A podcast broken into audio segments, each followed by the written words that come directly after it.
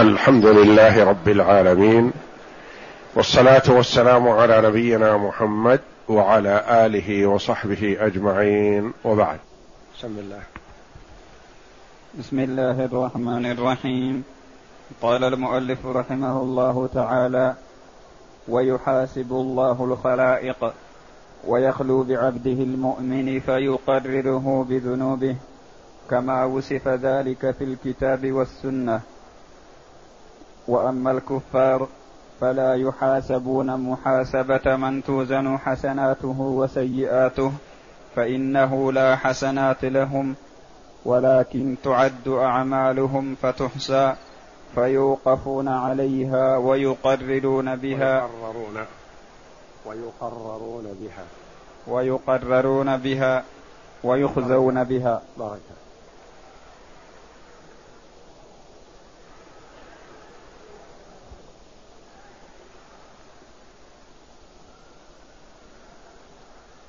تقدم أن ذكر شيخ الإسلام ابن تيمية رحمه الله تعالى في كتابه العقيدة الوسطية ستة أمور تحصل يوم القيامة. وهذا هو الأمر السابع. أشار إليه بقوله رحمه الله ويحاسب الله الخلائق. يحاسب الله الخلائق. فالحساب محاسبة العبد على ما عمل فيثاب على الخير ويعاقب على الشر.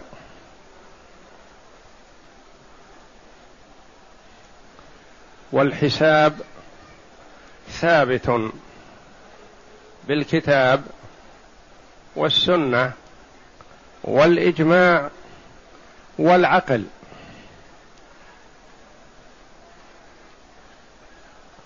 فالحساب بالكتاب قوله جل وعلا فأما من أوتي كتابه بيمينه فسوف يحاسب حسابا يسيرا. وأما من أوتي كتابه وراء ظهره فسوف يدعو ثبورا ويصلى سعيرا. الآيات.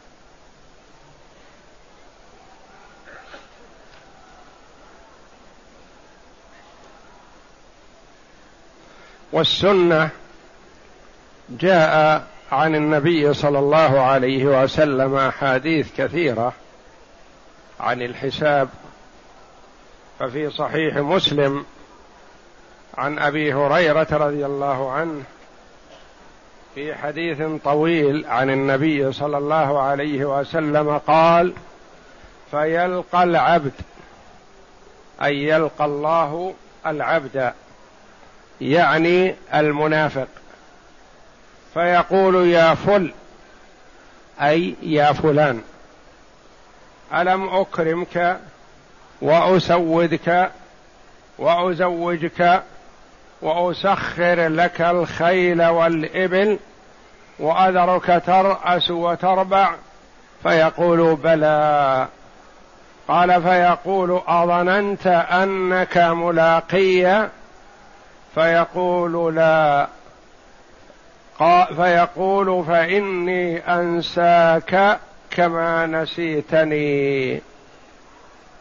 ثم يلقى الثاني فيسأله. فيجيب كما أجاب الأول فيقول الله فإني أنساك كما نسيتني. ثم يلقى الثالث فيقول له مثل ما قال مثل ذلك فيقول يا ربي آمنت بك وبكتابك وبرسلك وصليت وصمت وتصدقت ويثني بخير ما استطاع. فيقول ها هنا إذا لأن هذا ادعى الإيمان. وأولئك من أول مرة قالوا لا. أظننت أنك ملاقية قال لا. فيقول ها هنا إذا قال ثم يقال له الآن نبعث شاهدنا عليك. ويفكر في نفسه من ذا الذي يشهد علي. فيختم فيختم على فيه ويقال لفخذه ولحمه وعظامه انطقي فتنطق بعمله. وذلك ليعذر من نفسه وذلك المنافق وذلك الذي يسخط الله عليه. هذا في صحيح مسلم وهو حديث طويل. وأجمعت الأمة على الإيمان بالحساب اللي يؤمن باليوم الآخر وهم المسلمون مجمعون على الحساب. وكذلك اليهود والنصارى لأنهم يؤمنون باليوم الآخر فيؤمنون بالحساب. لكن اليهود والنصارى لا يؤمنون بمحمد صلى الله عليه وسلم فلا ينفعهم إيمانهم بالله ولا إيمانهم باليوم الآخر ما لم يؤمنوا بمحمد صلى الله عليه وسلم إلا من كان مؤمنا بنبيه قبل مبعث محمد صلى الله عليه وسلم. فالأمة مجمعة على أنه لا بد من الحساب. العقل كذلك. العقل يؤكد أنه لا بد من الحساب. لأن الله جل وعلا كلف عباده في الدنيا بأمور ونهاهم عن أمور. ثم ماتوا وما حصل شيء من هذا يعني مجازات. فلو لم يحصل محاسبة وسؤال وجواب وجنة ونار لكان خلق الخلق على هذا الشكل عبث. والله جل وعلا منزه عن ذلك. فالعقل يؤكد بأنه لا بد أن يسأل المرء عن عمله ويجازى على الحسنات ويعاقب على السيئات إلا إن عفى الله جل وعلا. فالحسنات لا بد أن يثاب عليها لأن الله جل وعلا لا يظلم الناس شيئا. وبخس الحسنات ظلم والله منزه عن ذلك. والعفو عن السيئات كرم وجود والله جل وعلا أهل للكرم. فلا يقال إن الوعيد لا بد أن يحصل إلا لمن كان كافرا. أما من كان كافرا فنعم لأن الله أخبر أن الله لا يغفر له. وأما من كان مسيء بأعماله السيئة فهو تحت المشيئة. إن شاء جل وعلا غفر له من أول وهلة وإن شاء جل وعلا عذبه بسيئاته ثم أدخله الجنة. والمراد بالخلائق أي المكلفون الجن والإنس. والبعث كما تقدم لنا لجميع من فيه روح. لكن الحساب للتكليف. فالبهائم تبعث ويقتص لبعضها من بعض لكن لا تحاسب لأنها غير مكلفة.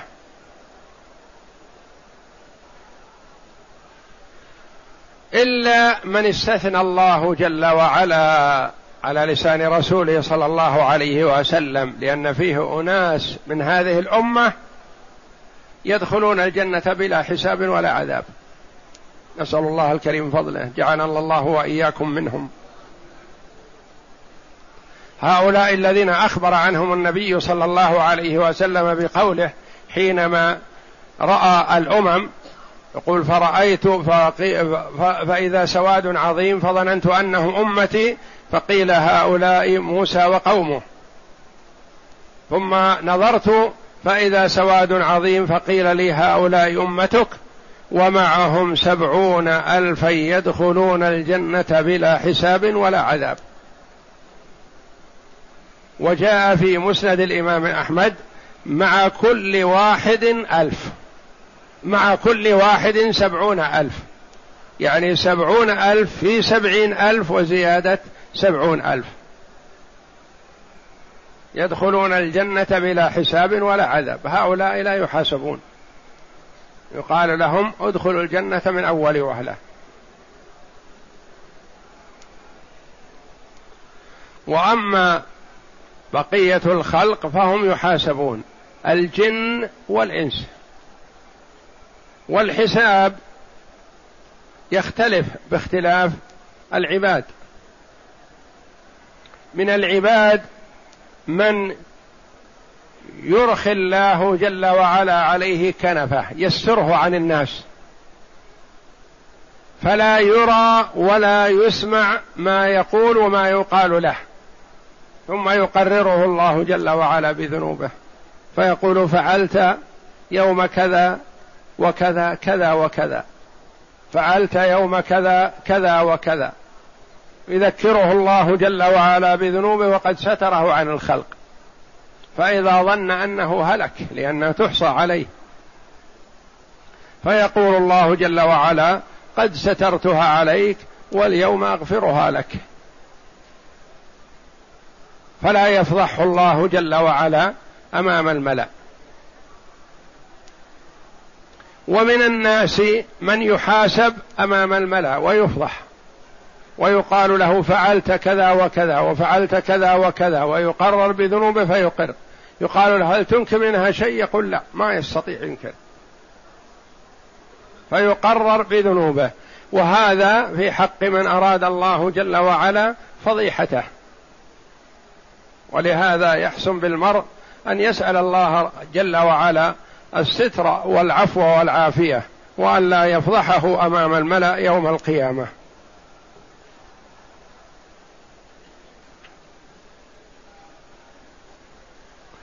فيحاسب الله الخلائق الجن والإنس. والجن وكفار الإنس وفجار الإنس والفجار وشياطين الجن هؤلاء في النار.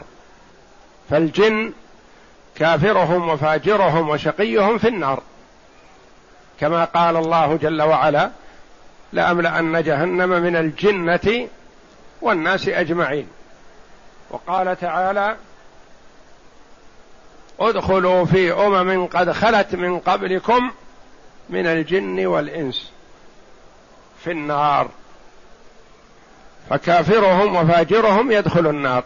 والخلاف بين العلماء رحمهم الله في مؤمنهم هل يدخلون الجنة أو يكونوا في ربض حول الجنة أو يقال لهم كما يقال للبهائم بعد المحاسبة كونوا ترابا.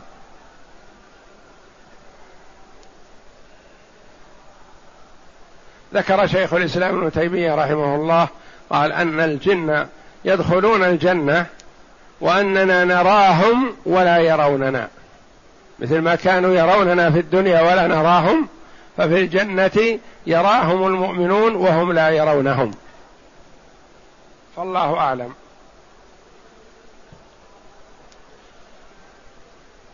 ومما استدل به على أن مؤمن الجن يدخلون الجنة قوله جل وعلا في حق النساء الحور في الجنة في قوله تعالى ولمن خاف مقام ربه جنتان إلى قوله تعالى لم يطمثهن إنس قبلهم ولا جان لم يطمثهن. يعني أن الجن موجودين ولو لا وجودهم في الجنة ما قال لم يطمثهن إنس قبلهم ولا جان. يعني لم يمسهن أبكار ما مسهن أحد قبل أزواجهن.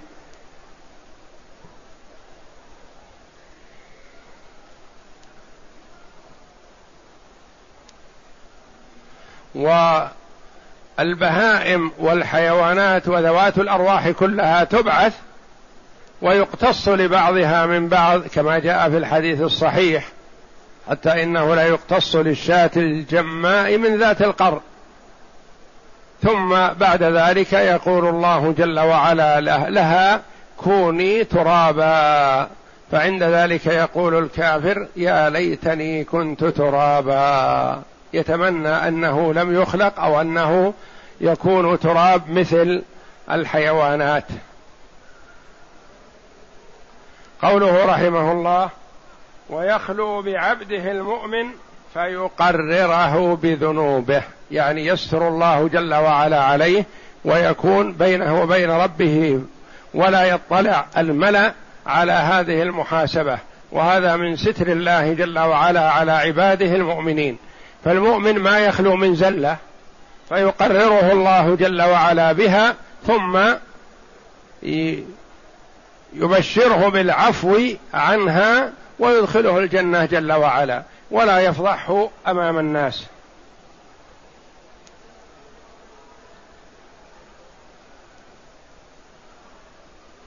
يقول رحمه الله كما وصف ذلك في الكتاب والسنة يعني جاء في كتاب الله وفي سنة رسول الله صلى الله عليه وسلم المحاسبة وتقرير المرء بذنوبه. فالمؤمن يقرر بذنوبه ويعطى ثواب حسناته. والفاجر ما والكافر ما يحاسب محاسبة من توزن حسناته وسيئاته أو تقابل حسناته وسيئاته لأن الكافر لا حسنة له في الآخرة. والكافر في الدنيا قد يعمل شيئا ما قد يحسن إلى عباد الله.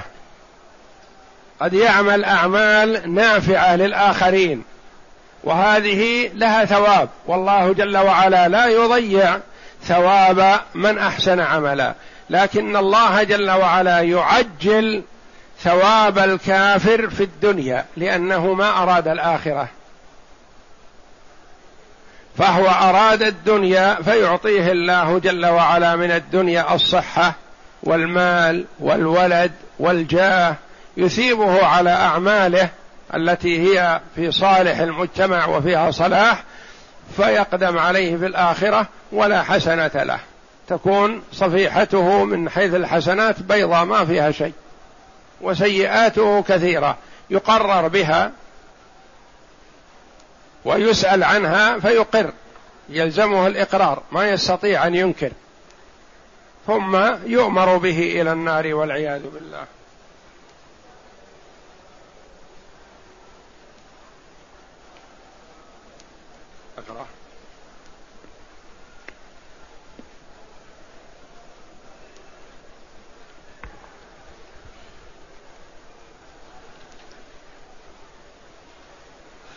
يقول الشارح رحمه الله قوله ويحاسب الله الخلائق إلى آخره.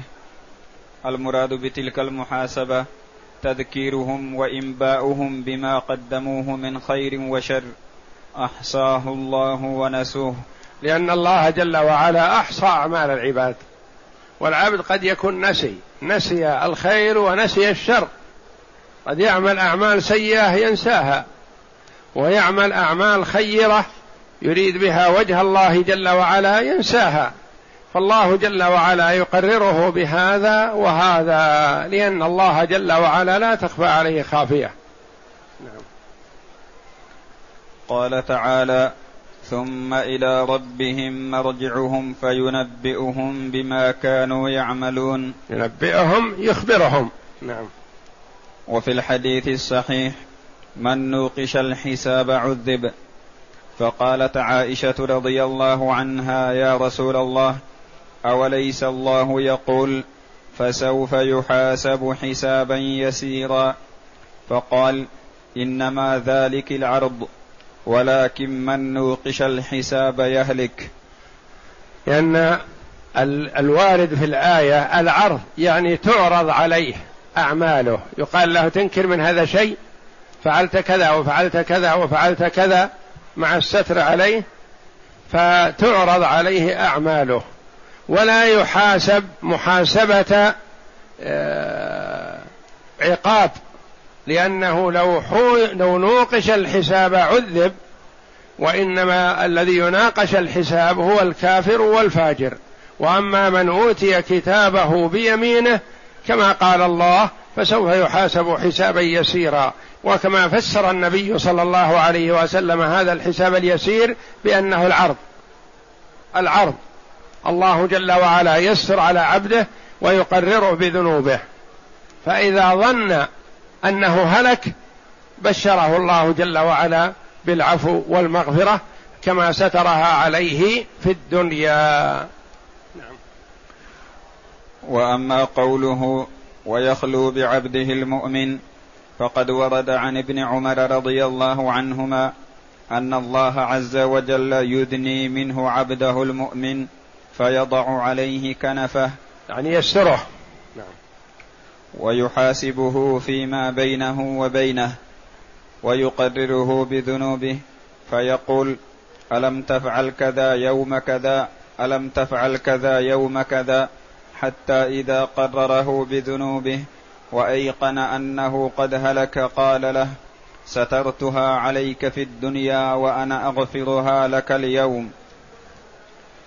وأما قوله فإنه لا حسنات لهم يعني الكفار لقوله تعالى وقدمنا إلى ما عملوا من عمل فجعلناه هباء منثورا. لأنهم عملوا هذه الأعمال بلا إخلاص. ما أرادوا وجه الله والدار الآخرة ما أرادوا ثواب الله ما أرادوا المدح والثناء أو أرادوا غرضا من أغراض الدنيا أي غرض. فهذا لا قيمة له عند الله جل وعلا لأن الله جل وعلا لا ينفع عنده في الدار الآخرة إلا ما كان خالصا صوابا. خالصا لوجهه الكريم صوابا على سنة محمد صلى الله عليه وسلم. نعم. ولقوله مثل الذين كفروا بربهم أعمالهم كرماد اشتدت به الريح في يوم عاصف لا يقدرون مما كسبوا على شيء. والصحيح أن أعمال الخير التي التي يعملها الكافر يجازى بها في الدنيا فقط. حتى إذا جاء يوم القيامة وجد صحيفة حسناته بيضاء وقيل يخفف بها عنه من عذاب غير الكفر. يعني أن عذاب الكفر عذاب الكفر النار. ما يتطرق إليه تخفيف. وإنما زيادة العذاب في النار على أعماله السيئة. فقد يخفف عنه العذاب غير عذاب الكفر مقابل أعماله السيئة. مقابل أعماله الحسنة التي حسنها فعلها في الدنيا. يخفف عنه العذاب في النار. كما جاء في حق أبي طالب أن النبي صلى الله عليه وسلم لما سئل انفعت عمك بشيء؟ قال له شراكان من نار. يغلي منهما دماغه. ورد أنه أخف أهل النار عذاب. له شراكان من نار مثل شراك النعل. يغلي منهما دماغه. يعني استحق عذاب الكفر. وخفف عنه زيادة العذاب لأجل ما قام به نحو النبي صلى الله عليه وسلم. والله أعلم وصلى الله وسلم وبارك على عبده ورسول نبينا محمد وعلى آله وصحبه أجمعين.